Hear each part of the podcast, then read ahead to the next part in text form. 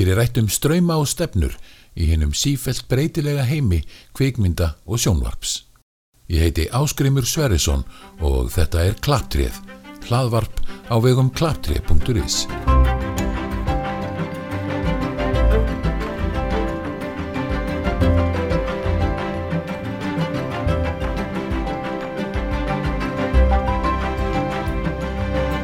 Í þessum þætti ljúkum við Fridrik Erlingsson yfirferð okkar um verbúðina með því að fjalla um þætti 7 og 8 og síðan um seríuna í heild. Út frá sjónarhóli handritsöfundarins skoðum við persónusköpun, uppbyggingu frásagnar og hvernig þessi þætti spilast út, hvað er það sem virkar og hvers vegna og hvað mætti betur fara. Rétt er að taka fram að hér er rætt ítalega um söguþráðin.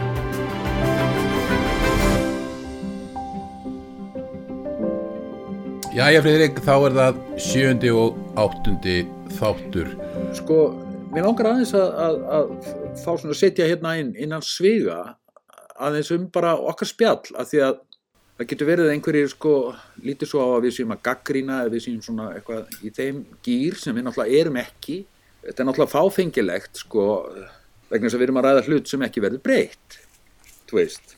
Eh, en við erum náttúrulega nördar þú og ég Jú, jú. og, og höfum náttúrulega í gegnum árin talað svona saman um kvikmyndir, sjónvastætti að því við höfum gaman af að krifja strúktur í þeim tilgangi að læra. Mm og, og þess vegna er þetta spjall okkar ekki í gaggrinni í hefbundum skilningi heldur, heldur krupning og skoðun fyrir okkur sjálfa eins og við séum að taka bílvil í sundur sko, til að reyna að skilja okay, hvað virkar hérna og hvað virkar ekki og hvernig virkar þetta og akkur gerist þetta þegar þetta gerist og svo framvegis. Já, eða að, að, að ef við tökum fótboltaleik sem dæmi, sko, við erum ekki dómaratinn í leiknum heldur eins og lýsandinn, sko, við erum svona gummi ben já, sem er að lýsa leiknum já, og svo erum við að ræða leikin eftir á já, sem auðvitað verður ekkit endurtekin en við erum að reyna að skilja, sko, ok, hvað hvað hefði getað farið betur í þessum leik eða hvað var glæsilega gert í þessum leik og svo framvegist þannig að bara svona eh, til að ítrekka þú veist að, að við erum ekki að setja okkur í, í, í, í hérna, við erum ekki að gaggrína, við erum ekki að gefa stjörnur en eitt slíkt, við erum bara að halda áfram að nördast eins og við höfum gert í gegnum árin, þú og ég að, svona, að ræða og krifja og reyna í þeim tilgangi að reyna að læra því sjálf Emil. en við kemum aftur að verbúðinni þessir hérna tveir síðustu þættir voru afskaplega vel komponeraðir það voru svona hlutir að gerast í þessum sjöndu og áttundu þætti sem við vorum svolítið að, að, að sakna úr þáttunum þarna uh, á undan. Þar að segja okkur fannst vanta að að, að, sagt, því pólitíska mál spilaði beint inn í uh, líf karakterana og væri dramatíserað í karakterunum sjálfum. Já, við vorum að tala um að, að, að annars vegar var, var pólitíkin og, og, og hins vegar var, var dramatík. Persónuna, þetta tvent það rann ekki saman í þáttunum á undan, nei, fannst okkur. Við tölum um það. En, en sannarlega þarna í þessum tveimur þáttum þá gerist það algjörlega. Já, þó að sko vissulega það sem, það sem mm, við skulum koma náttúrulega betur að því síðar en, en það sem sko er, sem vantar samt ennþá er undirbyggingin á svo mörgu sem gerist á mjög flottan hátt í þáttum 7 og 8 en enga síður, þetta, þetta er, þetta er fýll lokakafli. Mjög flottu lókakabli, virkilega reynd og, og mjög sterkur og allir karakterar fá ásættanlega nið- eh, eh, endalog skulum við segja, Eh, það er öllum fyllt eftir til enda, það er öll, allir endar eru nýttir Já, ég er svona, jú, jú, það er klárað af þessu leiti en það er svona, þú veist, viðst, sum, sumpart sko, eh, sko það er ekki klárað þannig að maður sé, sumt að því er ekki klárað þannig að maður sé eh, sko virkilega ánaður. En ef við komum kannski betur inn, inn á þetta aftur og eftir eh, þegar við erum að tala um svona ákveðna senur og, og, og ræða personar út frá þeim. já, En ef við, bara, ef við byrjum á sko, fyrsta eh, sjönda þættinum þar að segja, þá hún, hann hefst á þessari drikkjukeppni í verbúðinni og svo kemur intro með myndbútum hérðan og þaðan sem, sem ég veist að sko, þa þarna var þetta skemmtilega notað. Þetta er bara hluti af titlasíkvens og, og þetta eru svona stutti bútar hérðan og þaðan sem sína uh, svona stemninguna, gríp, grípa stemningu hér og þar og svolítið negla okkur inn í tíman. einmitt, er Jón Páll, feguradrottningar, stjórnmálamenn Já. og svo framvegis og framvegis. Við fengum svona slice of life frá þessu, úr þessum tíma sem var mjög gott sko. Fest okkur í, við erum að tala um tíman þegar þetta var í gangi. Já. Og ég ætla bara að fá að leira þetta, þetta var ekki drikkukefni, þetta var, var taka í nefið kefni. Taka í nefið kefni fyrirgeðu. Já, já, já neini, okay. bara við skulum hafa þetta kórétt. Öðvitað, öðvitað. Nú, þá fyrir við inn í, inn í inn í söguna eftir kynninguna og Harpa er að búin að gera dinner fyrir Grím og er að býði eftir að hann komi Já. og þetta er beint, beint framhald af, af lokum sjöttatáttar sem að Jón er á bryggjunni og Jón og Grímur horfast í augu og uh, þarna hittast þér félagarnir og Jón er búin að, að hlýta hérna bríningu Gunniðar konu sinnar um að, að fara vestur, feysa Grím og fá málun og reynd og reynsa þetta upp. Já, en þá kemur sko spurningin, þarna er Jón orðin aftur ekkert nema business, það er að segja að hann er ekki í rauninni að dvelja neitt svo mikið við einhvers konar personulegt uppgjör, hann fer beint í að sannfæra grím um uh, þessa hugmyndum framselginlegan kóta og sem er náttúrulega í sjálfu sér í besta mál, er svolítið það sem maður er búin að vera að býða eftir að pólitíkin í þessu, að þessi sjáar útveikskablin komi virkilega upp á yfirborðu og sé dramatíseraður í staðin fyrir að liggja svolítið utan á öllu eins og hann hefur gert svolítið lengi fram hana Já, og, og þannig að maður bara yes, yes, absolutt. Uh, en það sem auðvitað vantar í þetta er sko aðdragandin að þessu. Hvað hann fær Jón allt í einu þessa hugmynd og, og hvað er hann að, berjast fyrir þessu með tilhegrandi hindrunum og snúningum í, í þáttunum og undan? Það sem að vantar aðdragandan að þessu öllu saman. Af hverju er hann allt í einu dottin í þetta?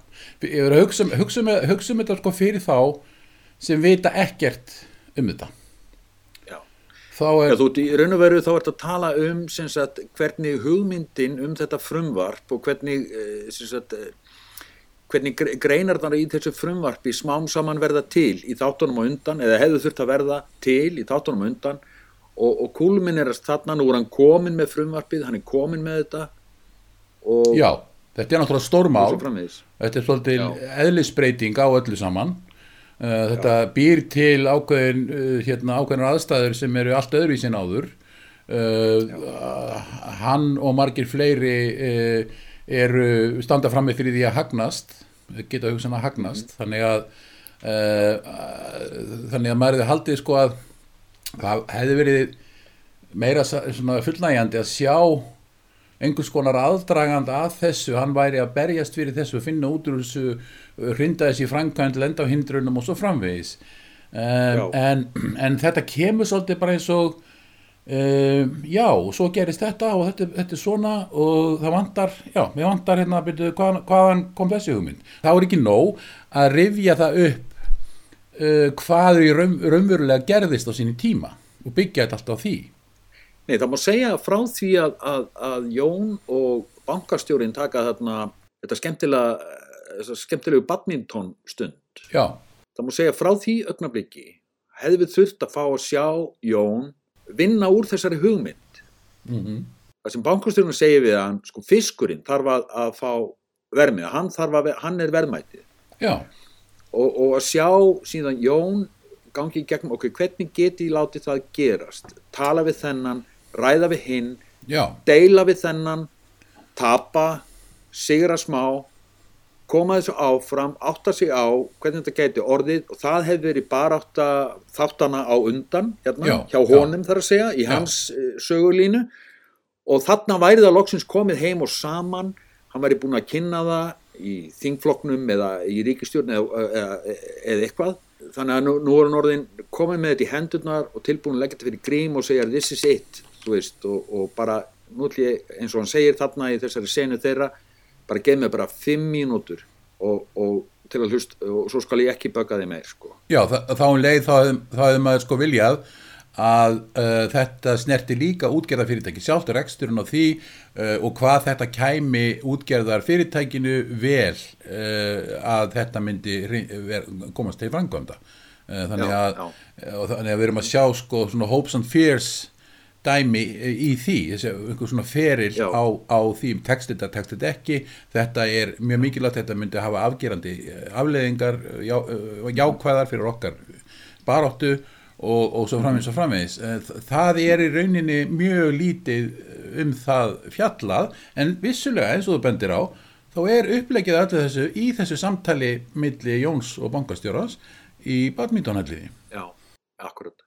Það eina sem við sjáum gerast er að Jón hintar að því við hörpu, nú mann ég ekki lengur í hvaða þætti nákvæmlega það er, þar síðast að mér minni þar að segja fymta þá líklega, eh, þegar þau freyti svo einar fara um landið að kaupa upp hérna bátana, því að Jón er búin að hinta því við hörpu að þetta gæti farið svona, þetta væri, það væri skynsalegt að gera þetta í ljósið þess ef að þetta myndi ganga eftir.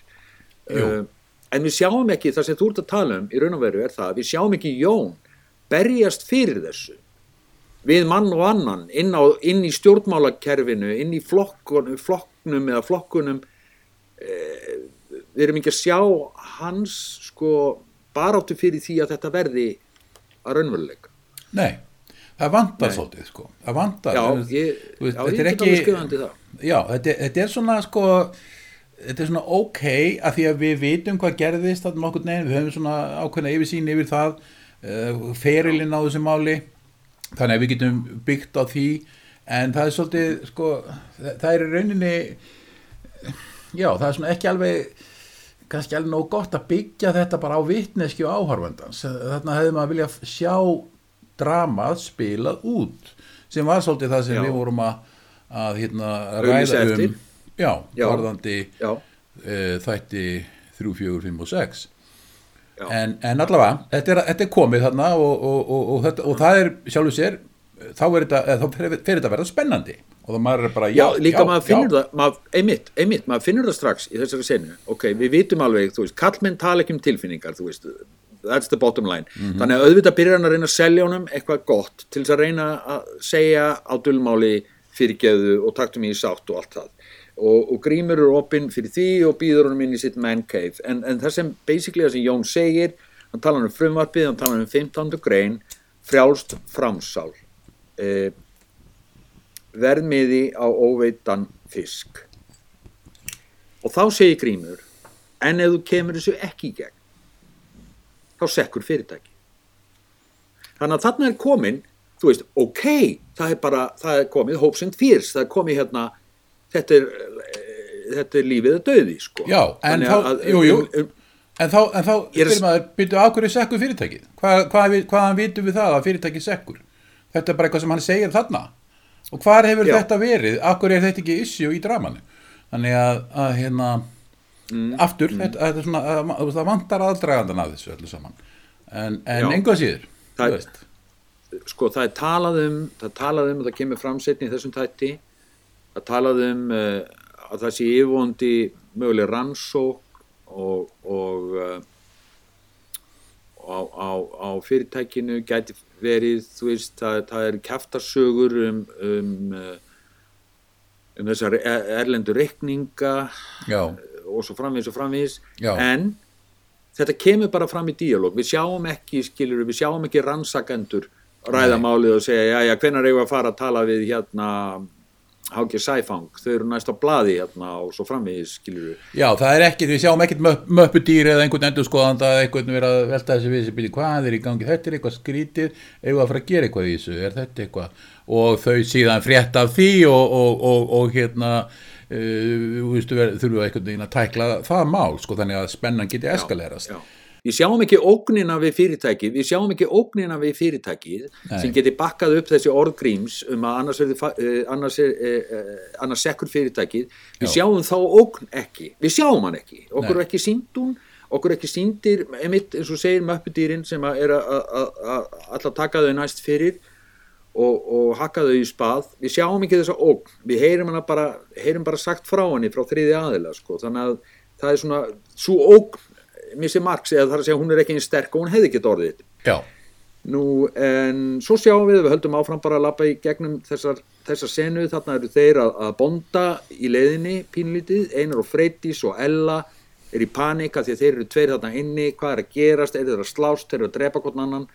En eh, þá kemur þarna örlíti Jón fer, fer aðeins inn í, inn í hérna, verður tilfinningarsamur og he, he, he, heitir bót og betrun rifjar upp þegar þeir stóðu þarna á þessu gólfi 13 ára gamlir og skáru sér í lóan og, og sórust í fóstbræðralag og, og til þess að sína sinn, sinn einlega vilja til sátta og sker hans í lófan og, og, og grímur kemur og, og hellir landa í sárið og bindur um það og svona, þetta er svona þetta er sættin þeirra, þeirra á milli svona, að, að milli þeirra all- allavega svona í orði kveðinu Já, og, og náttúrulega, og líka auðvitað karaoke senan í kjölfarið sem er dásamleg. karaoke-senan sem er dásamleg og Já. frábærleg og allt, allar þessar senur eru náttúrulega, þær eru frábærar sko. Já, þó við séum að nördast um, um struktúru og þetta, eh, ég meina allt er þetta þetta er glæsilega, þetta er æðislega leikið Já, já. skemmtilega sett upp og vel unnið og hugmyndaríkt og, og frábært á allan mátt það vantar ekki. og svo koma þau öll þarna eh, alveg e, miður sín, e, þeir hafa hend einari út, vilja vera tveir einir einar stendur fyrir utan þegar þær koma, Harpa, Ella og, og, og Freydís Já, og, og þarna er loksins sko farið að teiknast upp sko skýrar og dramatískara en áður hvernig Einari og Freydís er haldið utan við allt eh, Já, það einmitt, einmitt. já, það er svona og, þá hvernig Já. það er að koma út sko í loka spilinu öllu, það, Já, þannig að einmitt. það er orðið áhugaverðara heldur en það var áður sko Já, því að þarna er einari bókstæðlega fysiskt, þeir reka hann út og hann Já. stendur fyrir utan, Já. hann hlýðir hann, hann veit að hann er, þó hann sé með þá er hann ekki innvíður einhvern veginn. Og hann kvartar yfir því að hafa ekki fengið að vera með í karaoke. Já. ég er á 50 Já. aldrei anskotin hafið það. Einmitt, og voru þið hérna að syngja karaoke og, og ég láti hann standa hérna fyrir utan? Já. og svo alveg og, og er verið að stinga okkur í bakið segir hann líka. Og, og, og, og hérna Já, en sko þarna þegar þau eru öll komin saman þá er Jón mjög bljúur og hreinskilinn, hann byður þau öll fyrir gefningar og þau detta í það. Og þá er stjórnafundur settur. Og þá kemur alveg dásamlega skemmtilegu síkvens sem er stjórna, þessi fyllirís stjórnafundur mm, sem er, þú veist, í raun og veru þetta er þau eins og þau voru. Það, svona voru þau sem unglingar þú veist, svona já, vittlisingar, rekjalómar og skemmtu sér saman og voru svona góður og tröstur vinahópur og þetta er æðislega skemmtilegt upp á það að gera. Þau fara aftur í unglingsstemninguna, skilur við, brjótast inn í kirkjuna til að ná í góða rauðvinnið. já, en maður staldra við sko við það sem Freyti segir hérna á Já. stjórnarfundunum það er, það er hún, hún talar um að, að hvað það sé uh, gott að hafa vald og hvernig salurinn breytist þegar maður gengur inn það er alveg geðveik tilfinning, segir hún uh, mjög flott og mjög, mjög stert en það sem maður hefði af, enn og aftur, hver á ráðræðandinn að þessu öllu saman En ok, látum það vera. Þetta er síðan mjög skemmtilegu kapli þess að þau brjótast inn í kirkina og fara á mikinn bendir og, en, og mjög skemmtilegt allt saman. Það er í sjópað og enda í heitum pottum og enda svo inn í framvegis. potti. Og þar er svona komað þess að karakterlýsinga þeim, er svona, þau, þau eru öll svona súmerað upp af Ellu Stínu. já, já, Jón er Ísan sem getur hvaða drullu sem er á botninum. Einar er Rækjan, Freydís Smálúðan, það er að segja að þau eru svona small fries, sko, þau eru svona, já, þau skipt ekki máli. Já, Já. að harpa er eins og steinbítur Steinbítur, já, ég, já. ég, ég, er ekki alveg sko, að burtsi, nema þá að sko þetta tákni eða standi fyrir sko hann er svo, hann er svo hérna, grimmur í framann eða, eitthvað- eða slíkt en, en hérna Já, en hann líka býtur, að- það sem hann, hann sleppur ekki því sem hann býtur í. Hann sleppur ekki því sem hann býtur í, sko. Já. Það er líka það. En það sem ég fannst fallegt við hennar síkvens og, og flott, virkilega flott, var að þarna sá maður unglingana í þeim. Þarna sá maður Já. gamla vinahópin, maður sá hver þau voru já, og hvers vegna þau trúa og treysta hvert á annað, skilur sem fullotna einstaklingar. Mér finnst þetta, það var mjög vel gert, Já. fannst mér.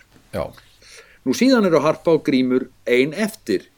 Freydís og Einar svona stýra því að, að, að Jón kemur gistir hjá þeim og svo framvegis þannig að þau eru ein eftir og fara um borð í bátinn og þar er svona uppgjör þeirra á milli. þetta er án Eva besta sena þáttana Já, þetta er frábær sen Þetta er frábær sena. uh, hún, er, sko, hún, er, hún er full af mótsagnakendum, heitum tilfinningum ástríðu, reyði, ringulreið þau veit ekki hvað þeim á að finnast eh, þau eru sko mjög confused bæði en, en full af öllu þessum heitu, sterku tilfinningum. Harpa segir grími satt um framhjáhaldið, það var oftar en einu sinni eins og Jón hafði sagt. Og grímur sko assertera sig, hann, hann hótar henni. Ég get tekið allt af þér. Ég veit ekki hvort þú eigir þetta skilið, segir hann. Mér langar, mér langar að taka þetta allt frá þér vegna Já, þess að ég veit ekki já. hvort þú er þetta skilja, akkurat, akkurat þetta er óbúslega vel skrifað, þetta er dásamlega vel leikið þeirra á Já. milli og þetta er óbúslega, hún er alveg þrungin af, af bara drama. Já, og líka það sem er svo, það sem er svo gott sko er að í þessari senu kemur loksins það sem maður er búin að vera að býða eftir það sem allir þræðir sögunar kristallast í ein, einni senu. Þið persónulega og þið pólitíska allt er samankomið í einni senu allt hangir á spýtunni og, og, og, við vitum ekki útkomuna og það er svo spennandi og þá verður maður virkilega Involved. sko, já, Já, af því það er jú líka markmið ekki satt sko að áhorfandinn verði involveraður til þess að áhorfandi getur orðið involveraður þá þarf hann að vita alls konar hluti hann þarf að fá að sjá alls konar hluti það er ekki nú að segja honum þá í samtölum eins og við um varandi eins og 5. og 7. þátt og, og, og 3. og 4. þátt það er ekki nóg skilur það nægir ekki. What you see is what you get. En já. allavegana í þessari senu þá kristallast eins og þú orðuð það alveg óbúslega margt og, og, og allt kemur vel heim og saman og þetta er óbúslega flott og velgert á alla kanta.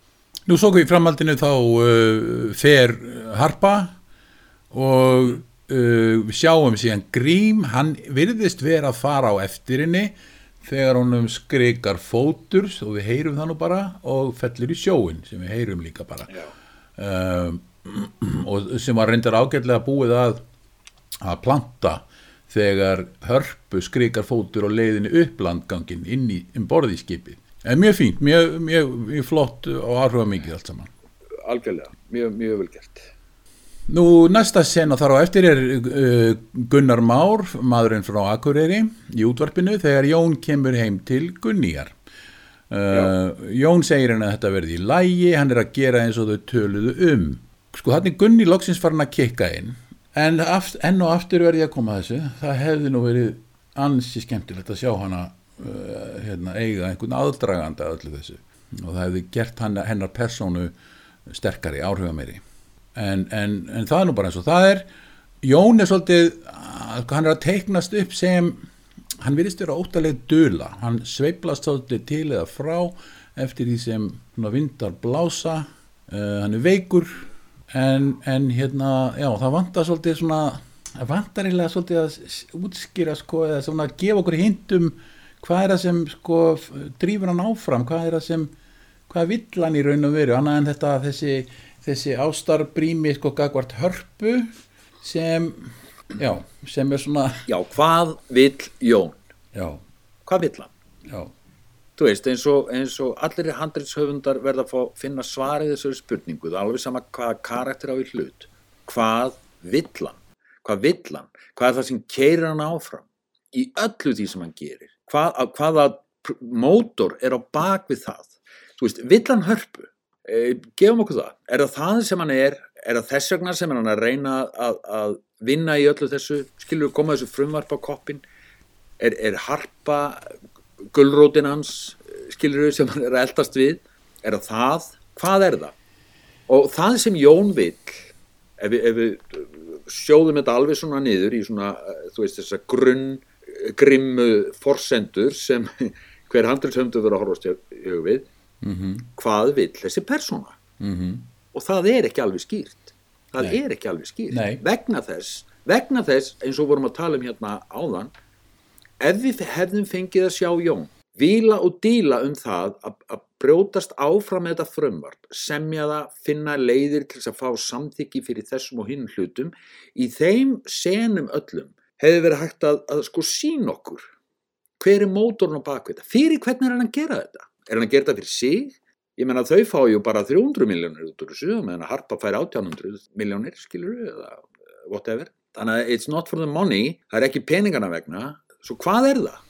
Já, það hefði verið vola gott að, að leggja þetta allt saman betur upp eins og við erum búinir að vera að tala um í hinnum þáttunum uh, Já, já. Og, og hérna, en það er ekki þarna þannig að, að ok síðan kemur næsta sena það er uh, hinn uh, vaski bladamaður Gunnar Smári dúkar upp, stelur púðrinu af, af Smára sem er orðin rúfmaður og tekur þarna viðtal við Jón, sjávarútes ráð þeirra Þetta er mjög fyndin sinna og skemmtilega, alveg sér hressilega innkoma hjá þessum, hjá þessum manni, með þessari personu og, Já, þessum og, unga leikara sem stendur sér alveg stórkostlega, ég veit ekkert hvað hann heitir, hvað heitir hann? Nei, ég, ég man ekki hvað hann heitir. Ég, Ég- man- man ekki eftir að sé hann áður, ekki til þess en að fletta því upp, hann, var- að fyrirgefa okkur það. En þetta var frábær framistæða og, og loksins, loksins sá við smára í senu þar sem var konflikt í gangi, raunalegu konflikt. Já. Hann kom ekki að sínum spurningum að því að þessi ungi dutti bara, þú veist, tók þetta yfir.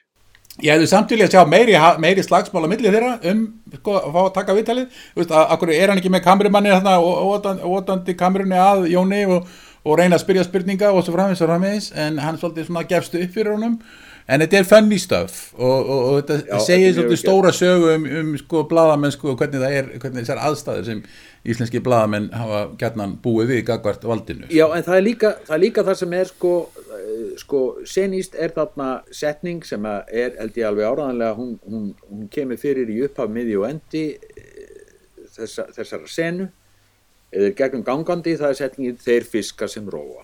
Þeir fiska sem róa. Já, já, Og það er svona þema þessara senu og, og, og svolítið svona, svolítið tematísk uh, setning.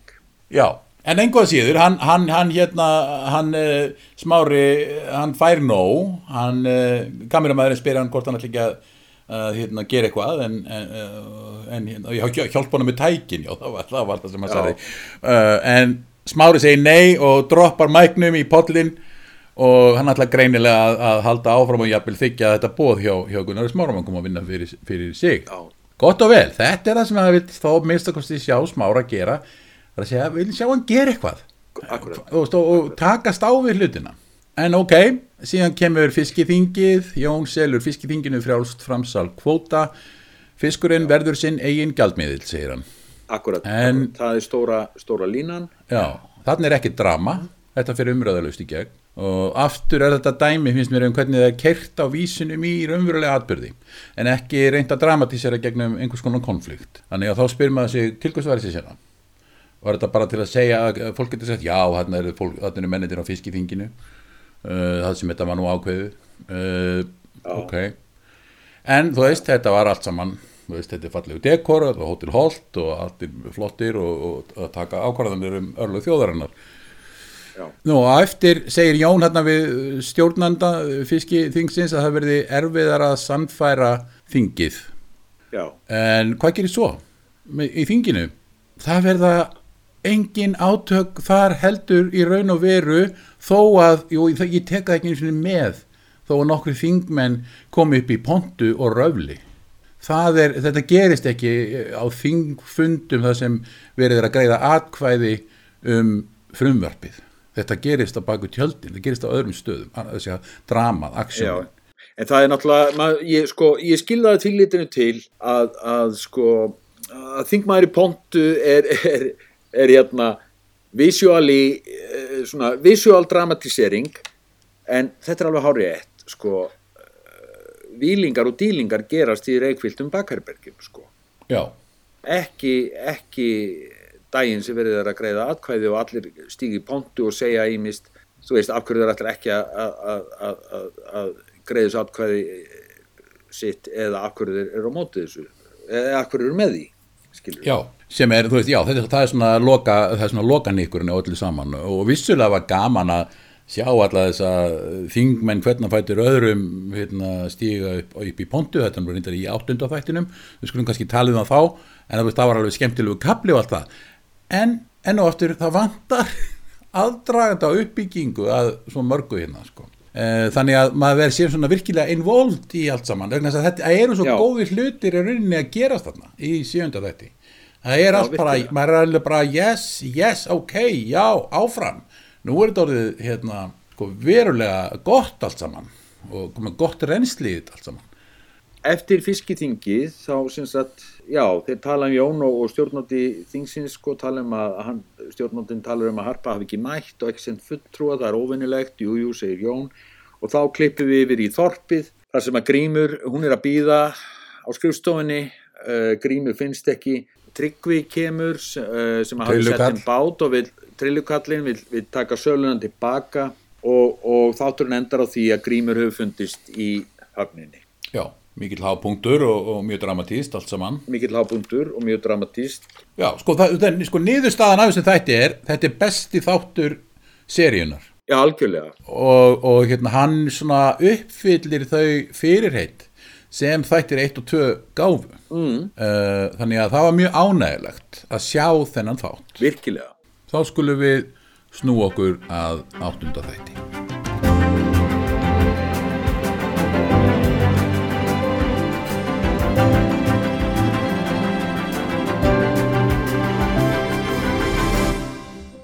Ok, áttundi þáttur uh, hvernig finnst þér opnunin á honum? Jú, það er sko, þar fer eiginlega svona tveimur sögum fram eða sem sagt tvær atbyrðar á sér í gangi -hmm. annars vegar harpa og, og þau í kringum hana ræða hvað gæti hafa gerst, hvernig þetta gæti hafa gerst og síðan á móti er, er, er, er, klift á, á útför gríms annars vegar þau saman að ræða hvað, hvernig þetta gæti hafa gerst og svo framvegis og svo útförin sem kallast svolítið á við, við struktúrun í lokakablanum þannig að það verið að Já. blanda saman svona að vera á nokkrum plönum samtímis. No, nokkur plön samtímis í gangi sem er svolítið, já, og, og er svolítið svona einmitt, er svolítið struktúrin á áttunda þætti svona almennt séð. Já, nú Gunni vill vita með hvernig framhaldi verður með rekstur fyrirtækisins, hún er að ræða þetta við Jón og, og Freydísi og Einar. Hún íjar að því að, að Harpa hefði hreint grími vegna þess að hann alltaf að taka allt af henni. Um, ok, uh, hún segir mér að þetta Jón, sko, ég myndi ekki hika við að drepa þig ef, ef, ef, ef, hérna, ef, ég, ef ég væri í svipari stöðu. Þetta er allt mjög gott, þetta, hún er reið, hún er að taka þetta út á hörpu og, og, og svo framvegist, það er skiljanlegt. Þannig að, jú, jú, þetta er bara allt, allt mjög fínt. Já, samt sem áður, samt sem áður, eins og þú talar um áðan, sko, ef við hefðum séð, sko, ákveðin, þetta hefði getið verið ákveðin klæmaks á, sko, persónu Gunnýjar í gegnum þessa þætti 3 og 4 og 5 og 6 sem við sáum ekki, þar sem hún var bara reyksu að hlusta á Walkman og lítið annað að gera en að vera húsmóðir, að þessi, þessi eilífa tortrygni hennar gagvart hörpu, sko, ef hún hefði verið alltaf svolítið tortrygging gagvart hörpu, Já, en um leið fundi sig í veikari stöðugagvartinni, stöðugt og, þannig að einhvern veginn upplifir alltaf að harpa er að trompana að þá væri þetta, þannig er nú allt í nú komin yfir, með yfirhöndina.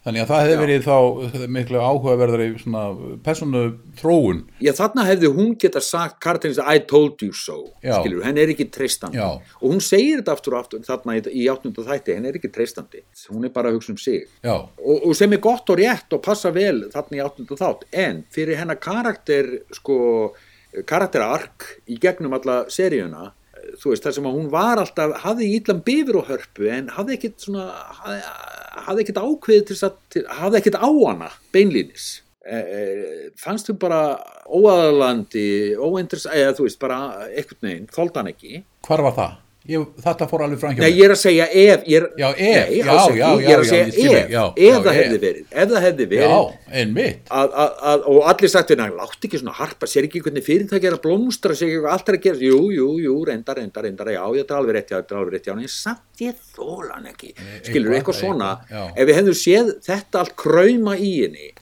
þá væri þessi klæmaks hjá henni, sko að segja, hendur hún ekki bara sjálf út, skilur, uh, rindur Mhm. hún ekki bara, það væri svona, hen, uh, það væri svona, hvað maður að segja, fallegu klæmaks fyrir þennan karakter, já, sem sannarlega er auka, auka karakter í sögunni en Já, samt já. mjög mikilvæg og support karakter við, eins og við Jón og, og alla hérna Algjörlega, hún, hún þarf, hún þarf já, hún, hún er náttúrulega þarna og, og, og, og en framan af er hún eiginlega alveg óvirk og er Já. bara þarna eins og hvert annað húsgagn. Þannig, en þarna rekkur hún í gýrin í sjönda og áttunda þætti uh, og reynda má se- segja að það byrji svona með þessari eh, frægu sinni þarna þegar fóreldrarnir kom í heimsókn er svona, Já, já, og, og, akkurat, og, og, það sem gerist í framhaldi af því. Uh, þá Já. svona byrjar hún að láta til sín taka. Akkurat, En, en allavega, hún er áfram að tuða um, hör, um hörpu í erfiðrykkinni, hún er fölsk, hún notar fólk, hún er grátleg tík, segir Gunni. Gunni er rödd Evans um hörpu sko, Hún- meðan allir er, er verðast vera að, að finna til samúðar með hörpu og svo framvegis þá er Gunni full efasemda og tortrygni gagvartinni og hún kemur því að aftur og aftur og aftur alveg ítrekka þarna. Já, en það, sko núna eins og það er spilað þá er það bara, sko við vitum, það eina sem við vitum að henni er svona illa við hörpu að út af þessu framhjáhaldi. Og því hún er reið út í hana en og þetta er eiginlega eina sem hún getur gert í stöðunni að töða og, og, já. og, baknagana sem er alveg mannlegt og skiljanlegt og allt það. En eins og ég segi, það hefur verið, hefur verið að gera hana svona meiri e, láta hana fá meira spil í allir sögunni Já, hvað ef hún hefði sko frá upphafi alltaf séð í gegnum hana, skilur við? Harpa er svona manneskja sem að bla bla bla bla bla bla. Hefði hún sagt það þarna eftir eldhússenuna, þess að frábæri eldhússennu sem var Já. þarna í lók fyrsta þáttar og allir bara nei, því látt ekki svona gunni mín, hvernig getur þú sagt þetta með hörpu? Sérðu, sérðu hvað hann að gera að segja hvað allt blómstrar og svo framvegis? E, e, sko, og þarna hefði hún fengið sko uppfyllingu það að nú, nú sjá allir það sem ég hef alltaf vitað. Og það er ekki bara að því að, að, hún var að halda við manni minn, sko, heldur, heldur, ég vissi þetta alltaf. Já, því að ég held að, sko, já, en, veist, þetta er aftur, aftur og aftur, það er erfitt að tala um eitthvað sem er ekki þarna, en, uh, en þú veist, það má, það má hugsa sér margs konar scenarios sem hún hefði getað gert og, og verið þannig þáttakandi í dramanu. En, en hérna, þú veist, kannski þið best að fara ekkert nánar út í það á þessu stíl. Annað sem maður náttúrulega hugsa líka er að, er að sko, hún er komin í þá stöðu núna að sko, það er alveg verið að leggja upp í seríu 2 uh, og þar uh, gæti hún hugsanlega og það er alveg mjög gott tækifæri þar til að láta til, hérna, taka svolítið Já, vissulega. sen- sennu við, við hörpu sko. en við sjáum bara til Nú, presturinn segir, presturinn segir hérna í, í lok erfidrekkjunar sem er, er frekar einmannleg erfidrekkja, þar að segja að það, það er ekkit svona, uh, harpaði svolítið ein í þessari erfidrekki og fólk er svona meira að koma bara fyrir kurtissi sakir og drekka kaffið og, og presturinn segir við hana í lokin, þú mátt ekki kenna þér um hvað gerðist. Sko allt þetta, þetta, er mjög, þetta er mjög fallegt og þetta er mjög, maður finnur til með hörpu en um leið veit maður að hún er búin að standa í alls konar hérna, hvað ég var að segja, monkey business uh, en þarna hefði verið alveg óskaplega gott ef þetta hefði nú allt verið byggt sterkar upp eins og til dæmis það sem við vorum að min- minnast á sem gerðist með, með hérna þegar hann uh, persóna hjartar Jóhanns bendir Ellustínu á að, að það hafi verið harpa sem var að völda að, dauða kærasta hennar Ellustínu sem Vignir Rafljeg og en síðan gerist ekkert meira með það. Og þessi, svona, þessi kvartanir verbúðar fólksins yfir aðbúnaði þarna og allt þetta þetta, sko, þetta hefði hjálpað allt miklu betur til að teikna upp hvers vegna enginn talar við hörpu uh, í erfiðrykkinni pluss auðvitað það að það gruna hana uh, hún er grunuð um það að hafa verið völdað að dauða gríms það er svona kjaftasaga sem er í gangi eða það er verið að gefa það í skinn þó enginn viti neitt og svo, og svo almennt kjaftarsagan um fyrirtækið og, og reikninga erlendis og svo frammeðis og frammeðis. En það er alveg rétt eins og bendir á. Veist, það er þarna döði hann, uh, hans þarna um borð, kærasta Ellustínu, það, það er uppreisnin sem ekki varð á, á verbúðinni en sem var svona nöldur á verbúðinni sem að hún hefði getað tekið, við hefðum getað verið að fá sko hérna á þessum tímapunkti sko mjög konflikteraðan karakter hörpu sko, hún er Já. bæði svart og hvít sko, hún, hún segir ég er að gera allt fyrir samfélagið en Já. samt er hún týrand sko, hún er týrand þú veist, hún er ofbeldisfullur einræðisherra Já, en hún, hún sko hún er samt river to her people skiluru á sinn hátt. Nú eftir erfdrekkina þá kemur smári í þorpið fer fyrst í verbúðina, leitar að tinnu. Nú Harpa segist vilja að flytja söður og sé tilbúin að selja. Allir hata mig, segir hún. Þannig að þarna hefði sko þarna hefði verið gott að hafa það svolítið í blóðinu, allir hata hana.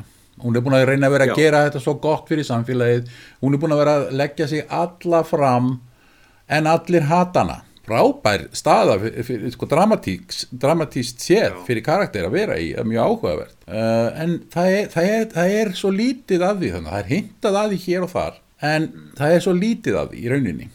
Er eftir það sama, what you see is what you get. Við verðum að sjá það til að Já. vita að það er til staðar, það er ekki nóg að heyra það í díalóg Nú, uh, hún vil sérst að selja og flytja söður. Sjáum það, þarna, sena þarna milli, kemur aftur að, að smára þar sem hann hittir tinnu og hún, hún svona drífur hann inn í húsið og dreifur fyrir alla glugga og, og hann er að reyna að pumpa hana um eitthvað, segir henni frá greininni og svo framvís og Tinna segir hún það eina sem hún veit er það að Grímur ætlaði að skilja við hörpu. já og þetta breytir öllu, segir Smári Þetta breytir öllu fyrir, já, segir smári. og þarna sko, þarna vil ég líka stoppa, sko, hann segir reynda rétt á undan, uh, hann spyr akkur hefur enginn fjallað um framhjáhald gríms og hörpu og hún svarar eitthvað, það veit allir. Og hann segir þetta gæti sögt henni. Uh, akkur er hann ekki búin að gera það?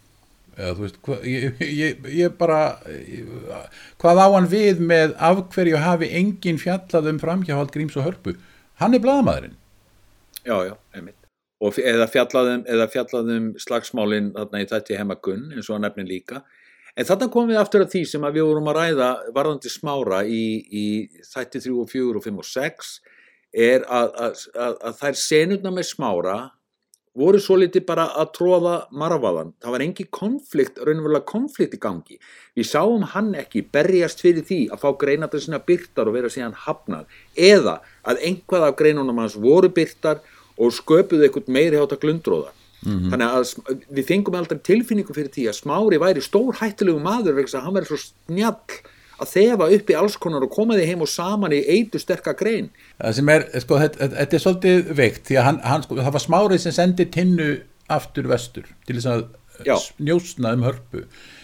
Það hefur síðan ekkert gerst að neinu ráði og það var einhvern veginn ekkert kert á það elementa nokkur, nokkur, nokkur, nokkur ná. Já, nema að því leiti að, að, að þegar að síðan síðar í þessum þætti þegar að eh, Ella fer inn í bílinn hans hérna smára og finnur greinina og les greinina og segir hörpu síðan þannig fullt af hlutum sem að bara, þú veist, fullt af hlutum úr ykkar enga lífi sem að enginn gæti hafa vitað.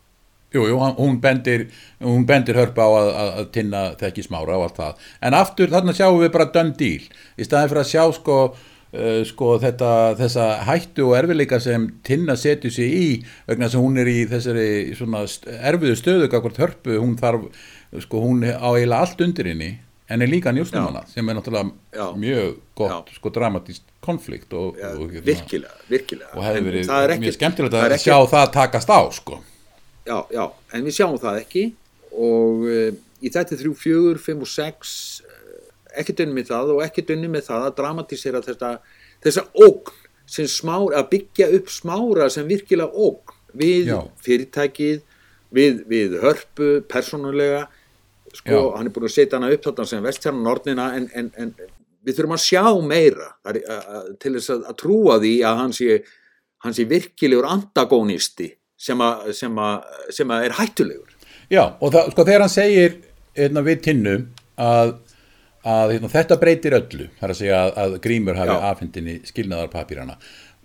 hvað nákvæmlega er hann að pæla hérna? Ég, hvað er hann að meina? Er hann að meina, já, þetta breytir öllu vegna þess að uh, þetta gefur þá mjög sterklega í skinn að Harpa hafi eitthvað haft með dauða hans að gera og þannig sé fall hennar, eða blasi fall hennar við eða hvað? Á hverju breytir þetta öllu? Sko, sko, maður getur ímyndað sér ímislegt en það er einhvern veginn aftur, það er ekki það er ekki þarna. Nei, við sjáum það strax að það er greinilega það sem að hann er að, að það er greinilega það sem að hann er að hugsa vegna þess að hann er alltaf að reyna hann er að reyna að fiska eitthvað upp um dauða gríms hann tala við gils löggunir á bryggju. Og hann er greinilega sko hann er greinilega að reyna að leggja saman tvo og tvo þarna í- að þessu leitum til að harpa byrja ábyrð á dauða gríms Jú, jú, jú, ok, það má ímynda sér það en, en, en, já. en það er bara svona eitthvað sem að leiður líkum að en það er ekki e, það blasir ekki við að það sé það sem breytir öllu eins og hann orðar það sko. já Nú síðan kemur Freydís og Einar tala saman þau uh, hérna vita í rauninni ekkert um hvað er í gangi sem er píniskrítið, þau virðist ekki vita heldur að þetta uh, frjálst framsal frumvarp er í, er í vinslu og á að leggja fyrir þingi. Því að þau, sko, Freydís stingur, uh, hún stingur upp að þau taki fiskvinnsluna til að losna við mögulegt vesen og einhverja rannsókn út af þessum erlendu reikningum og það og, en það má segja að loksins sko, er þetta, þau eru svona komin inn í dramað. Já, þarna, þarna loksins einmitt hlekkjastu við þetta megin drama og það gerist þannig að þetta samtal þeirra um, um, um hvað þau er að gera og hvað, hvað þeim finnst rétt og, og gott að gera og örugt að gera, þau vilja bara vera svona safe uh, á sínum stað og Freydís tala við Jón í trúnaði, í síma og uh, þau eru á leiði, þá eru Jón og Gunni á leiðinni úr bænum og Jón segir Gunni að- að að hérna Freyja, að Freydís ætli að stinga hörpu í bakið. Og uh, þau tala já en þau eru vinnur okkar og svo frá er það, er þau það? Erum við ekki bara all komin þangað að hver hugsa um sig? Þannig að þetta er svolítið midpointin í þessum þætti þú veist að, að þú veist, hvar eru við stödd? Hver eru við vinnur okkar og hver eru ekki og ok, og akkur sagður þeim ekki frá? Já, akkur ætti ég að segja þeim þau verður bara að velja fyrir sig, skilur og svo framvegis, svo framvegis. Já, já. en honum finnst að vera skuldbundin að tala við hörpu og upplýsa hana um málið. Já, já, sem sko, hérna, sem maður hefði nú ætlað að hann, sko, ætti að vita að hún veit þetta, eða sko, hún veit hvað er, hvað er í húfi, hvað er framundan, en einhvað síður, hann er að bara að garantera það að hún ger enga vittlisi með áður en frumvarpið Eins og, sko, eins og ég segja enn og aftur, það, það, sko, hann er allt í nú komin í hérna mega víling og díling og business skýr og hagsmunir og, og allt það en mikið hefði nú verið gott að sjá hann byrja á þessu öllu saman löngu og löngu fyrr. Nú, ef, ef við höldum bara áfram Freydís og Einar eh, ræða við hörpu vilja halda fiskvinnslinni harpa bara samtykkir hún veit og, og, og þá eru þau Jón nýbúin að tala saman þetta er næsta sena á eftir basically, nánast, og þau vilja bara þetta því að þau vilja bara safe, skipta peningunum sem eru í útlöndum bara 50-50, harpa samþykki það undir eins og bara hún heldur fiskvinnslinni nei, heldur skipunum og, og þau taka fiskvinnslina Síðan finnur Ella Stína grein smára og síðan hefst í framhaldi af því svona það sem mætti kalla þingkablan eða þetta er svona það verður að nýta, verður að nýta marga enda eh, þarna, þessi síkvens er, hann, hann, hann á sér stað á nokkrum plönum, annars er á alþingi og hins vegar í þorpinu, hins vegar ekki á hörpu. Og, og þetta byrjar eiginlega, þessi síkvens byrjar eiginlega það í að, að Harpa ringir í, í Gunnar Má og segir hún að hún vilji selja fyrir rétt verð Já, og þá, þá förum við yfir á Jón á, á alþingi. Já, en ef ég má ne- sko, eins og ég sé þetta þetta hefst sko þegar þingkablin byrjar. Og það má segja að þetta sé loka atrenna þáttaraðarinnar. Hér falla öll vött til dýrafjörðar um, sko, þá, á sama tíma er harpa tilkynna bænum að hún ætla að selja. Og, það, og síðan kemur Ellastín og segir hörpu frá þessari grein sem hún fann sem Smári hefur skrifað og bendir henni á að, þekki, að hann þekki tinnu þannig að harpa getur lagt saman 2 og 2 síðan kemur hérna dásamlegt innklipp sem er alveg, tengist ekkert sögunni beint en, en er alveg stórkostlegt. Fullur maður kemur lappandi rennur á svelli og dettur. Og vegfarandi spyr þarna, "Hvað, er ekki allt í lægi með þig? Fokkaði þér, svarar svo fulli Já, og, og skjörar svo burt. Og þetta er svo Já. mikið eitthvað þetta er svona þetta er bara þetta, Ísland. þetta er bara Ísland, þetta er svona íslensk alþýða. Þetta er svona, og þetta er svolítið svona líka bara eiginlega bara það sem gerðist þetta er það sem gerðist Þetta er svona eins eh, þú veist, það er svo öll serían einhvern veginn kristalliserið þessari stuttu sinni. Nákvæmlega hún kristallast í þessu, þessu litla skoti. Já, það sem einhver gaur, þú veist, sparkar í eitthvað og dettur í hálkunni já, og einhver saklis vegfærandi sé ekki, ekki allt í lagi? Fokkaði veist, þetta er, þetta er Ísland. En það heitir þátturinn Ísland og, og, og þetta er alveg þetta er geysilega fallegt lítið atriði já, og alveg nýfskarpur speillin í þjóðasáluna já, já. Nú, síðan áfram, sko, ég líti á þetta sem sko, þetta er lokakapli, hann er, þetta er allt eitt stór langur síkvens sem bara eiginlega helmingurinn af þættinu, þessi síðari helmingur af þættinu Já. Í framhaldi að þessu koma, koma hérna eh, Sveppi og Smári. Eh, sjáum að Sveppi er þessi loyal típa, hann er bara að segja frá sínu lífi og hvernig hlutinir eru hérna, svo kemur Harpa og hitti Gunnamá, setur þetta skilirði um að skeipi fari hvergi. Framhaldi kemur bæjarfundurinn uh, sem er borgarafundur þar sem Gunnar og Harpa skrifandi samninga um söluna og Gunnar þarna lofar öllu fögru segir uh, Harpa vilji að tógarinn fari hvergi og segir að Þorbjörgin verður áfram gul og gerð út frá vestfjörðum. Uh, fleig orð. Og svo kemur eitt lítið moment eftir þennan fund. Harpa gengur að tinnu að því hún sér að tinna hefur verið að gjóa á smára. Hún spyr hvort hún þekki smára. Tinna svarar ekki. Eða, eða, Tinna- auðvitað Harpa lapp, lappar í burtu já, Já, Tina svarar hvern, já, já, hvern, þekkir, þennan, hvern? já þykist ekki vita. Nei, það var ekkert, segir hún, og er búin að fá svarið. og þar með er örlög tinnur ráðin. Nú, og svo kemur hérna, karakter Sveppa, hvað heitir hann aftur? Pétur. Pétur heitir hann. Pétur, já. Pétur, vísar smára til hörpu. Og hún er með greinina. Og sko hann er hann er mjög aggressífur í þessu, þessari senu.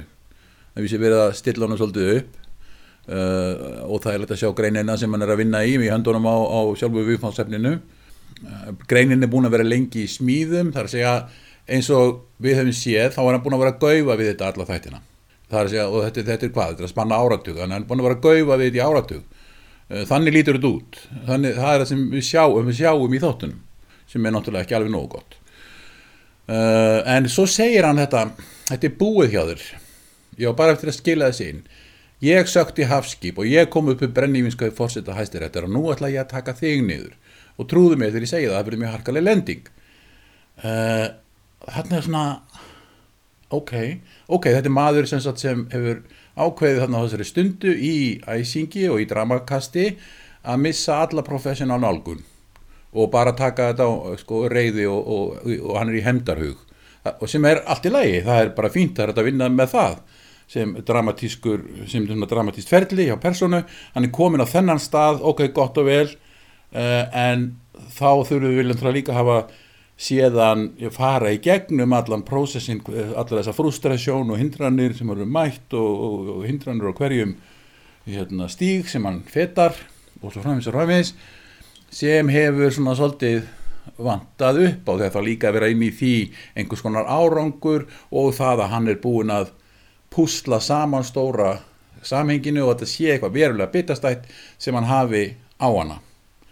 Uh, sem hann í rauninni held ég eins og við höfum séð, við höfum engar upplýsingar um að raunverulega svo sé þó að hann sko, veist, hann, hann er til mest getgátur hjá honum. Já, það sem ég finnst sko vanta helst af öllu í, í karakter smára bladamanns er sko af hverju, já, hvað vill hann? Hvað vill hann? Já, ég meina nú, nú vísar hann þarna ég kom, ég kom hafskip ég afhjúpaði þá. Mhm, ég afhjúpaði brennivínsköp uh, fórseta hæstaréttar. Mhm. Gott og vel, en hvað hefur hann hvað er það sem keirir hann á hörpu, gerir hann svona grimman gagvart hörpu, Mhm. hvað er það? Mhm, og við rættum þetta annarkot síðast eða þar síðast að þetta væri eitthvað sem væri, veist, við þurfum að við sem áhorfendur sem veit ekki neitt, við þurfum að, að, að finna fyrir því hvað, fyrir hverju brennir hann? Mhm, fyrir hver, hverju brennur hann gagvart, gagvart hörpu, sko. Mhm. hvað er það? Mhm. Veit hann, hann veit það er eitthvað sem hann veit að, að það er eitthvað fishy í gangi, þú veist uh, nú man ég ekki nákvæmlega hvernig þetta var á þessum tíma varðandi það að eiga reikninga erlendis og svo framvegis en ef hann hefur þær upplýsingar og það er eitthvað sem er, sem er dirty og, og, og, og, og ekki kosher á þessu tímabili, veist, þá er það það sem hann hefur þá veitan að hún er að græða eða þau er að græða eitthvað ofbóðslega og það er ekki að skila sér til samfélagsins þannig að ef hann er rittari réttlætisins mhm, þá hefur þurft að stilla honum þannig upp og halda honum þannig út í gegn mhm því þrátt fyrir allt, þá er hann auka persóna en hann er mikilvæg auka persóna Já, og það sem vantar í það er byrju, hvað verður svona harkalegt? Ég náði því ekki alveg. Hvað, á hvaða, hvaða, hættu, hvaða hættu er harpa í þarna? Um, ég er ekki alveg með það, sko, ég hef ekki fengið aðdragandi og upplýsingar um það í rauninni. Uh, jú, hann er með hi- hérna, bits and pieces, en hann er ekki með neitt sem mun jarðana. Ekki sem ég get komið auga á. Þannig að þetta er aftur, þetta er svona Já, en hann er náttúrulega ákveðið, þú veist, hann er, hann er ákveðið vandamál í þessari seríu. Það er að segja vannýttur, hann er vannýttur. Hann er mjög skemmtileg persóna, ekki mískilum mig.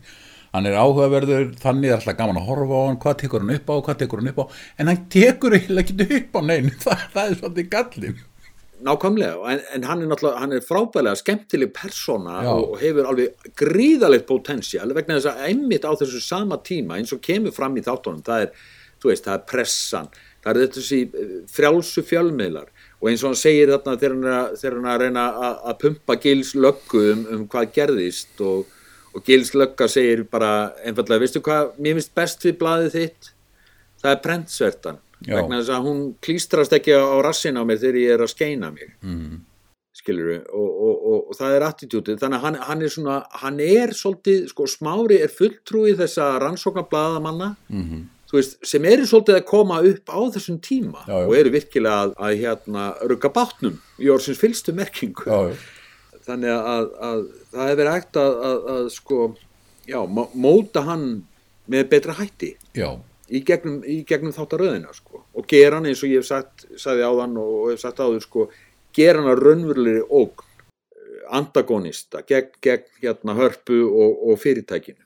Nú, svo halda þingumræður áfram og sko ég líti á þetta sem bara svona, þetta er eitt stór kapli, þetta er bara svona, nú kemur þetta bít allt inn, inn, í, inn í versið, skilur við, inn í, inn í, inn í lægið, uh, þingumræður, fjöldi persóna stígur á stokk, uh, menn er að tjá sig fram og tilbaka.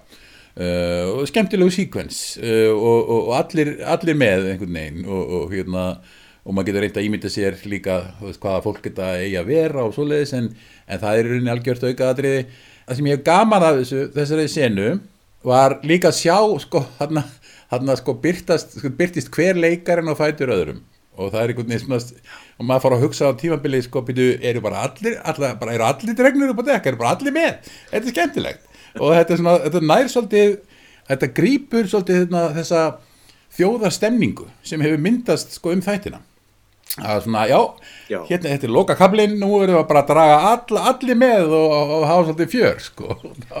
Og þannig að, og það er, þetta er eitt af því sem er svo skemmtilegt við þessa þætti og maður fílar að það er svona, það er bæði svona breið sín á samfélagið uh, fólk er, að- er kraftmikið láta til sín taka, það er alls konar uh, hluti sem við fáum smá insýn inn í. Þannig að það er svolítið stuð uh, þrátt fyrir líka á líkan þetta hallarisgangur og, og, og, og, og allt það skilur en, en, en þú veist, það er svolítið það er svolítið svona mikið um að vera og það, það er alltaf volað þakklátt og það er svo sjaldan sem að sé svona breið, breiða sín í, íslensku efni. Algjörlega sammála þessu. Bæði breyðarsýn og svona væbrant sko, það er væbrant eins og, sena, eins og þessi síkvens sko, loka síkvensin á, á síðasta þætti. Og rosalega kraftmikið mm -hmm. kraftmikill síkvens og, og koma þessi andlit, þú veist, allir þessi leikarar og allir þessi karakterar, allar þessar personur allar að tjá sig sum er með og sum er á móti og svo framvegis, bla bla bla bla bla og, og, og síðan allir svona endarnir er að nýtast sko, það verður að nýta alla enda í leiðinni. Virkilega kraftmikið og flott og vel gert sko. Já, þannig að sjáum við í framhaldi að Sveppi kemur og hendir tinnu út úr húsinu sínu. Þetta er fletna saman við þinghald, þinghaldi það sem frumvarpið er samþygt og þetta er svona eiginlega það sem þessi virkilega þessi godfather finale kekar einn mjög stert sko.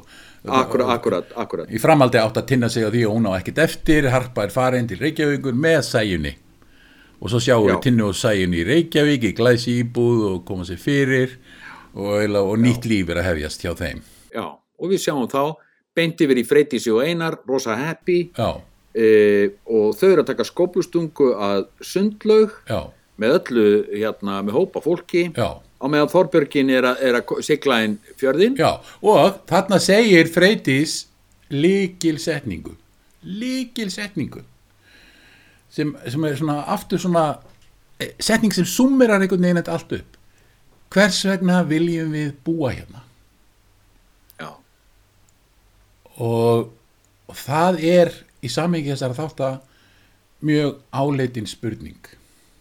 Já þetta, þetta, er- þetta er náttúrulega líkil setning, sko, Já. líkil spurning og líkil þema Já. í þessari seríu, því að hvað eru þau að gera í þessari seríu, þau eru að deila á á hvernig þetta þessu fiskviði stjórnunamáli og, og kvóta dæminu öllu saman hvernig því var komið á og hvernig hefur unnist úr því síðan? -hmm. og við sitjum uppi með það núna þessar ákvarðanir sem tekna voru á þessum tíma. Mm -hmm. hversna viljum við búa hérna? Hvað, hvernig þjóðfélag viljum við hafa? Já, já. Það, er, það er það sem liggur undir þessari spurningu. Jú, jú, í hvers glast þjóðfélagi viljum við búa? Og þetta er mjög valit spurning. Og um það snýst þessi serið er raun og veru. Já, Nú, svo, já, svo sá, sjáum við Þorbjörgu sigla inn og svo snúa við og, og, og viðstattir eru sjá sína sæng útbreyta í rauninni, það er að segja að þetta er svona, Já. þetta er svona, þetta er svona saman, þetta er svona sam, samsett úr mörgum atburðum þessi sena. En, en, en kristall, kristalliserir með þessum hætti og það bara er, er mjög flott og þetta er mjög chilling. Mm -hmm. þetta er mjög svona effektíft dramatíst séð. Mjög eftir og þetta, er- þetta er flott eh, hérna klipp á, á allri þessari atbyrður ást það er sko Þorbergin snýr við. E, Pétur kemur móður og másandi upp brekkuna segja hún er að snúa við, hún er að snúa við. Og það er klift á viðtal við Gunnar Má það sem það er borið upp og hann, þetta lofur og hann sagði ég hef ekki lofa neinu, ég er ekki stjórnmálamaður. Og auðvitað náttúrulega, veist, þessi business er eiga breytilegur úr sjórin skilur og, og hafið, við þurfum að fara eftir því. Við eldum fiskinn, segir hann. eldum fiskinn við, við sjáum að Smári fær símtala, hann er rekin Já, byrju við, við sjáum hörpu horfa á þetta. Við sjáum hörpu, hörpu horfa á Gunnamá í viðtalinu. já, Hún er, við sjáum pínlítið konflikt í henni, hún er svona, eh, við sjá, þetta, hún segir ekki neitt, en við sjáum í svipnum, ok, hvað hef ég gert? En ok, what's done is done, skilur, ok, ég sný, við bara, ég hugski mér um þetta. Það er mjög flott gert hjá Nínu, það er svona ofsalega subtle og bara, veist, en, en sögnin steinlíkur þannig, sko, eins og ég las skilur. já. Já, algjörlega, ég er alveg sammála því algjörlega sammála því. Og Nína náttúrulega á því líkan stjörnuleik Já, já, já, gegnum já, alveg bara, þess að þáttur að drotti minn dýri og þú veist, þessi hópur náttúrulega allur eins og hann leggur sig. Já, já, það er allir að standa sig alveg feikilega vel, hérna, alveg ótrúlega flott.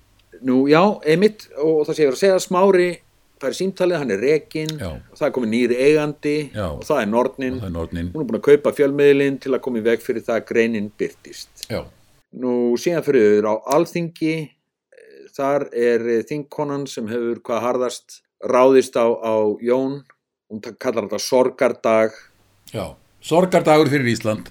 já, Og svo í kjálfærið kemur Jón og þakkar þeim sem hlýtu og horfir beint í vel, brýtur, brýtur fjórða veggin. Brýtur fjórðavekkin og býður góða nótt. Mjög fallega gert. Já, mjög áhrifa mikið. Og meðan horfir harpa, það er þarna eitthvað einskot með hörpu þar sem hún eh, horfir út yfir Reykjavík og tilfinningi var sko, hún er á rauninni að horfa til sínar eigin björtu framtíðar. Eða, og jafnvel, jafnvel góðarissins. Og svo, og svo hérna dettur inn Björk með human behavior og allt var það bara ljómandi fínt. Þannig að þá er þessari þáttaröður lokið, Friðrik, og þá er spurningin, hvað finnst okkur í stýttaramáli? Já, ég er náttúrulega heilt yfir þetta náttúrulega alveg, þetta er, er stórkostleg þáttur, eh, sko, efnið er náttúrulega magnað og geggjað.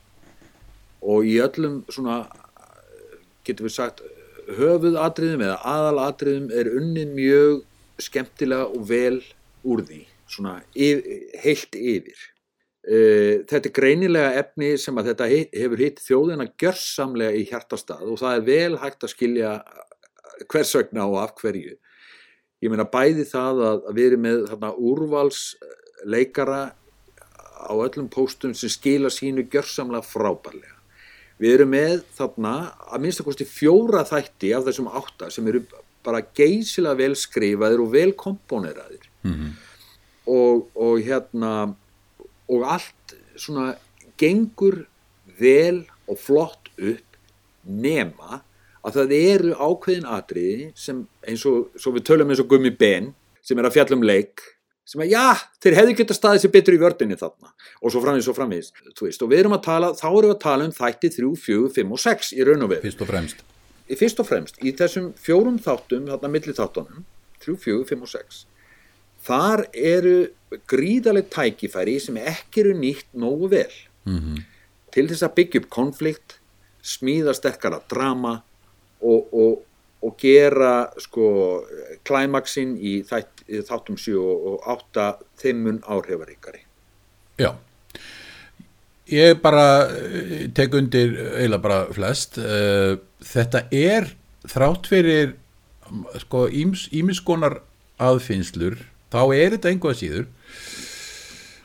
Þetta er einhvað síður gott verk og það er meðal annars vegna þess að það fjallar um okkur, okkar nálagu sögu, að grípur stemninguna á ákveðnum tímabili mjög vel og fólkið í þáttunum er lifandi, sprækt, fullt af fjöri og breyskleika og krafti. Það er ekki verið að velta sér upp úr eimt sem er mjög þakklátt. Þannig að sko, þrátt fyrir allt og allt og það hljómar kannski sem maður er búin að vera kvarta yfir mörgu og þá var þetta aldrei það var aldrei leiðilegt að horfa á þetta. Það var alltaf gaman. Um, það var alltaf áhugavert. Uh, maður var inn í þessu mörgu leiti þó að maður vissulega var gegnum gangandi að spyrja sig ímissa spurninga. Akkur er þetta, hvað er þetta, akkur, akkur það vantar hérna eitthvað? Og svo framins og framins um, einhvað séu það það, það, það, einhvern veginn nægir ekki til þess að maður hugsi ok, þetta er ekki að gera sig, þetta er að gera sig Þetta er að gera sig og það er náttúrulega sko, í raun og veru, það finnst ég að segja þegar við tveir erum að tala saman að það er ekki að marka okkur vegna þess að við finnum að, eða, þú veist, við erum að skrútin í sér og reyna að, að hérna krifja og kafa sko, Já, já. ég menna hinn almenni áhörandi sem að er skýtsama um handreitsgerð og struktúr sem að bara sér og horfir og upplifir, við höfum bara séð það á viðbröðum fólks við þessum, þessari þáttaröðu, þetta er gríðarlega þakkláttu efni á allan máta. Sko, fyrir það fyrsta, það sem ég finnst stóra málið og stóra hrósið sem Vesturport á að fá er að þau eru að segja okkur sögu um okkur sjálf, mm -hmm. segja okkur sögu um okkur sjálf. Það er ekkert í þessari þáttaröð sem er að daðra við útlent eh, setup við, við eh, erlenda framleiðendur eða meðframleiðendur eða neitt af því tægi. Það er ekki verið að daðra við neins konar plattform sem við höfum séð frá útlöndum í, í miljón þúsund sjómaserjum. Þetta er bara íslensk saga að þessu fólki sem hefur búið og stritað og svitnað í þessu landi, gert sín mistök, átt sína sigra og sína ósigra og það er það sem hittir náttúrulega áhorfendur og þjóðina alla bara beint í hjartastað því þetta er jú serían sem við öll höfum verið að býða eftir. Sagan um okkur sjálf. Já, Og það, svo seria sem að næst hefur komist, sem næst kemst þessu er náttúrulega vaktaserían, vaktaseríun á þrjár, vegna þess að þær voru algjörlega gengu út frá þessum, eh, þessu sama attitúti. Hér erum við, svona erum við. Þú veist, að spegla okkar sögu, Já, já. spegla okkar, okkar persónuleika, okkar briskleika, styrkleika, veikleika og svo framvegis. Já, já. Þannig að, að þetta er gríðarlega þakklátt og það er, þú veist, allt það rós sem að þessi seria hefur fengið og hún á það svo sannarlega skilið, algjörlega. það er svolítið svona ef maður reynir að summera þetta upp sko þá eh, það svona stóra enginnið á seríunni er að, er að það er ekki svona skipulagt plott í gangi frá upphæðu til enda heldur er meira svona dottið um hluti. Fólk grýpur allt í einu einhver tækifæri sem allt í einu koma. Fólk verkist frá einu til annars. Og það er svolítið minnir á þetta eh, sem við hefum rætt fyrr eh, fyrir þáttum eh, að Ísland er einhvers konar skítaredding í þúsund ár. Og nær svolítið að Ísland, já. grípa utan um það konsept Veist, það, er, er ekki ástæðalaus að við segjum alltaf að þetta reddast, við erum alltaf að redda einhverju sko. og, og hún, það, hún nær utan um það konsept á þess að rauninni segja það beint nokkuð tíman sem hún þarf ekki, það liggur bara svona í, í hegðun fólk hvernig það bregst við og, og þeim aðstæðum sem kom upp hverju sinni og svo framvegis þetta er ekki svona þetta er ekkert útspekulega, þetta er allt svona já, ok, prófum þetta já, þetta, þetta komið, ok, prófa að sparka í þennan gerist og, og þá, þá hérna, svolítið svona heldur það áfram kolla Já. kolli, sko Já, en, en sko, nú, sko, það er ákveð tvíhorf sem við höfum verið að, að, að, að við höfum verið að ræða út frá tveimur punktum. Við höfum núna verið að segja, eh, sko, annars vegar horfa á þetta í heildamind, horfa á þetta sem þessa seríu sem hún sannarlega er og, og, og hérna og allt það og hins vegar erum við að reyna að vera svona eh, kaldir uh, vélamenn niður í handrýtstildinni, þú veist, í, í, í, í, í hérna, í vélasalnum og segja, já, nei, það þarf að herða þessa ró, því annars gengur þessi mótor ekki, þú veist, alla leið og við komumst ekki í land Já. og svo frammiðis. Mm. Þannig að við erum, við erum, við erum hérna tvís, höfum verið tvískiptir, við erum annars að, að, annars að vera að tala sem almennir áhöröndur Mhm. og hins vegar sem, sem einhvers konar handrita nördar sem erum að reyna að skilja hvað virkar, hvað virkar ekki Mhm.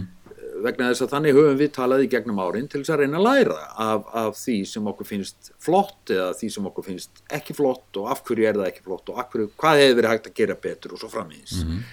og það verður að segjast sko íslenska reddingin, við skiljum hana við Íslendingar skiljum íslensku reddinguna. Að Ísland er skýta redding frá upphæð til enda, skiljum frá landnámi og, fram á okkar síðasta dag verður, verður, verður þema, hið þematíska þjóðlag okkar þetta reddast en, en sko þetta reddast er ákveðið konsept Mhm. sko ef við ætlum að tala kalt sem, sem, sem verkfræðingar handrits verkfræðingar Mm. þetta reddast er konsept sem þarf að kynna Mm. það þarf að establísera það það þarf að kynna það það þarf að kynna það að þess, vegna þess að, að einhver frá segjum bara frá Japan Mm. Sem horfir á þessa serju Mm. hann skilur ekki, byrja af hverju, af hverju geraðu þetta, af hverju geraðu ekki hitt? Það blasir við að það rétt að vera að gera hitt en ekki þetta. Hann þarf að skilja þetta reddast.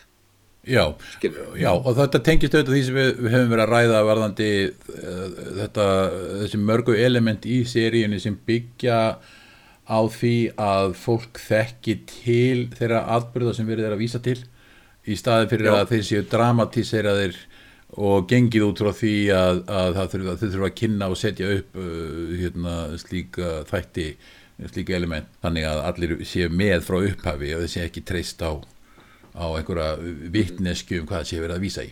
nákvæmlega, þetta er sko uppaf miðja endir ekki bara í hverjum þætti fyrir sig heldur í hverju, sí- hverjum síkvens fyrir sig, hverju senu fyrir sig og svo framins og framins, alveg niður í minnsta dítel sko, uppaf miðja endir. Eitthvað, gerist bara vegna þess að það á einhverja frum orsök það þarf að setja hana fram og kynna hana þannig að við kaupum það. Nú veit ég að það er margir sko áhörundur af þessar tátaröð sem að, sem að hafa séð einhverja persónu og segja já hann er svona og svona já ég þekki þetta svona, ég veit nákvæmlega já já ég skil þetta mjög vel og allt það. Og maður skilur það mjög vel. En út frá hinnu verkfræðilega sjónarhóttni þá eru fórsundunar ekki lagðar upp en alveg eins og við vorum að ræða sambandi við smára, mm -hmm. Jú, jú. Þannig að það, það er eiginlega svona það sem líkur til grundvallar öllu sem við erum að segja, sko, uh, hérna, þú veist, þetta er skemmtilegt, það er gaman að horfa á þetta, þetta hefur greinilega náð mjög gríðarlega vel til þeirra sem þetta er búið til fyrir, það sé að íslensku þjóðarinnar.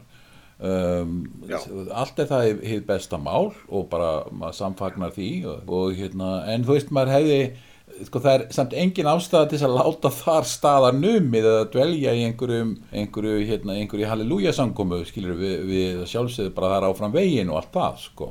Algjörlega, algjörlega en þetta er, já já, en þetta er frábær gríðarlega þakklátt og dásamleg varða á, á þeirri vekkferð sem er íslensk uh, þátta, uh, íslensk sjónvarstáttaraðir framlegsla og svo framvegis. Þetta er uh, mjög þakklátt og glæsileg varða á þeirri vekkferð sem er náttúrulega bara rétt að byrja í raun og veru. Já, og, og það væri gaman svo sannlega að sjá sko áframhald á, á seríum sem eru gerðar svolítið með þessu uppleggi, það er að að leggja áherslu á uh, þennan hóp sem sem eru við, sem eru þjóðin að, hérna, að, Já. tala beint til hennar með mjög skýrum hætti. Já, algjörlega. Þar með er ég ekki að segja að það er alltaf að gera slíkt uh, vissulega getur það að fara sjálfsögðu út um víðan völl og fólk hefur frelsi til að fara hinga og þangað en við þurfum að sjá meira af þessu Við þurfum að sjá miklu meira af því að það sé að, að framleiðendur og kvimtagerðamenn sé að segja okkur söguna af okkur sjálfum. Því við þurfum á henni að halda í lengd og breytt. Við erum bombarderið af efni hérðan og þaðan úr heiminum. Ekki bara Breitland og Bandaríkjunum heldur, heldur vítt og breytt. Sem, það sem allir eru að segja sína sögu.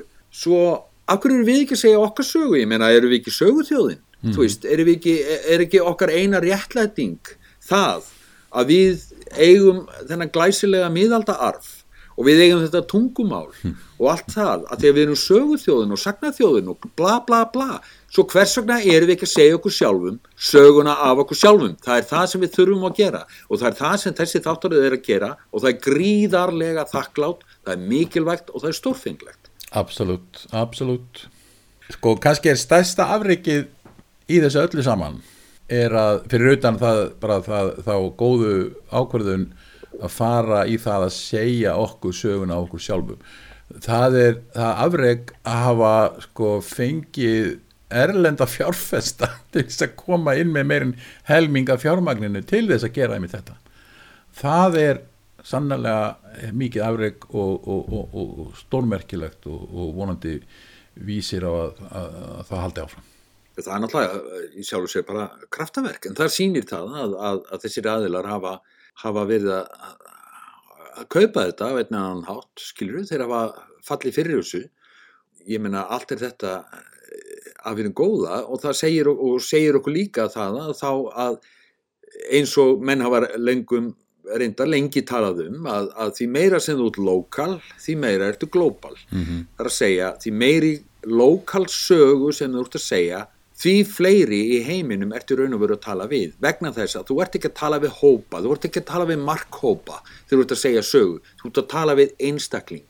En, en því meira sem þú segir lokal sögu, því meiri einlægari og hreinskilnari sem þú ert í þeirri sögu sem þú ert að segja, þeim en fleiri einstaklinga hittur þú fyrir hvort sem þið búa í, í vesturheimi, austurheimi, Asíu eða hvað sem er, skiptir ekki máli. Já, En auðvitað, náttúrulega kjarnaatrið er að, að, að þessi, þessi sjónvars þáttaröð fyrir okkur Íslendinga hér og nú í dag er náttúrulega alveg sko gríðarlega mögnuð eins og bara kemur ljós, hún slær gjörsamlega í gegn hjá öllum því þetta er sagan um okkur sjálf.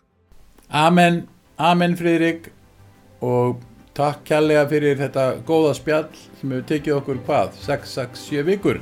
Takk sem leiðis ásum mín, þetta er búið að vera gaman eins og æfinlega þegar við tveir förum að deilera um, um, um handrit og struktúr. Eins og ávart.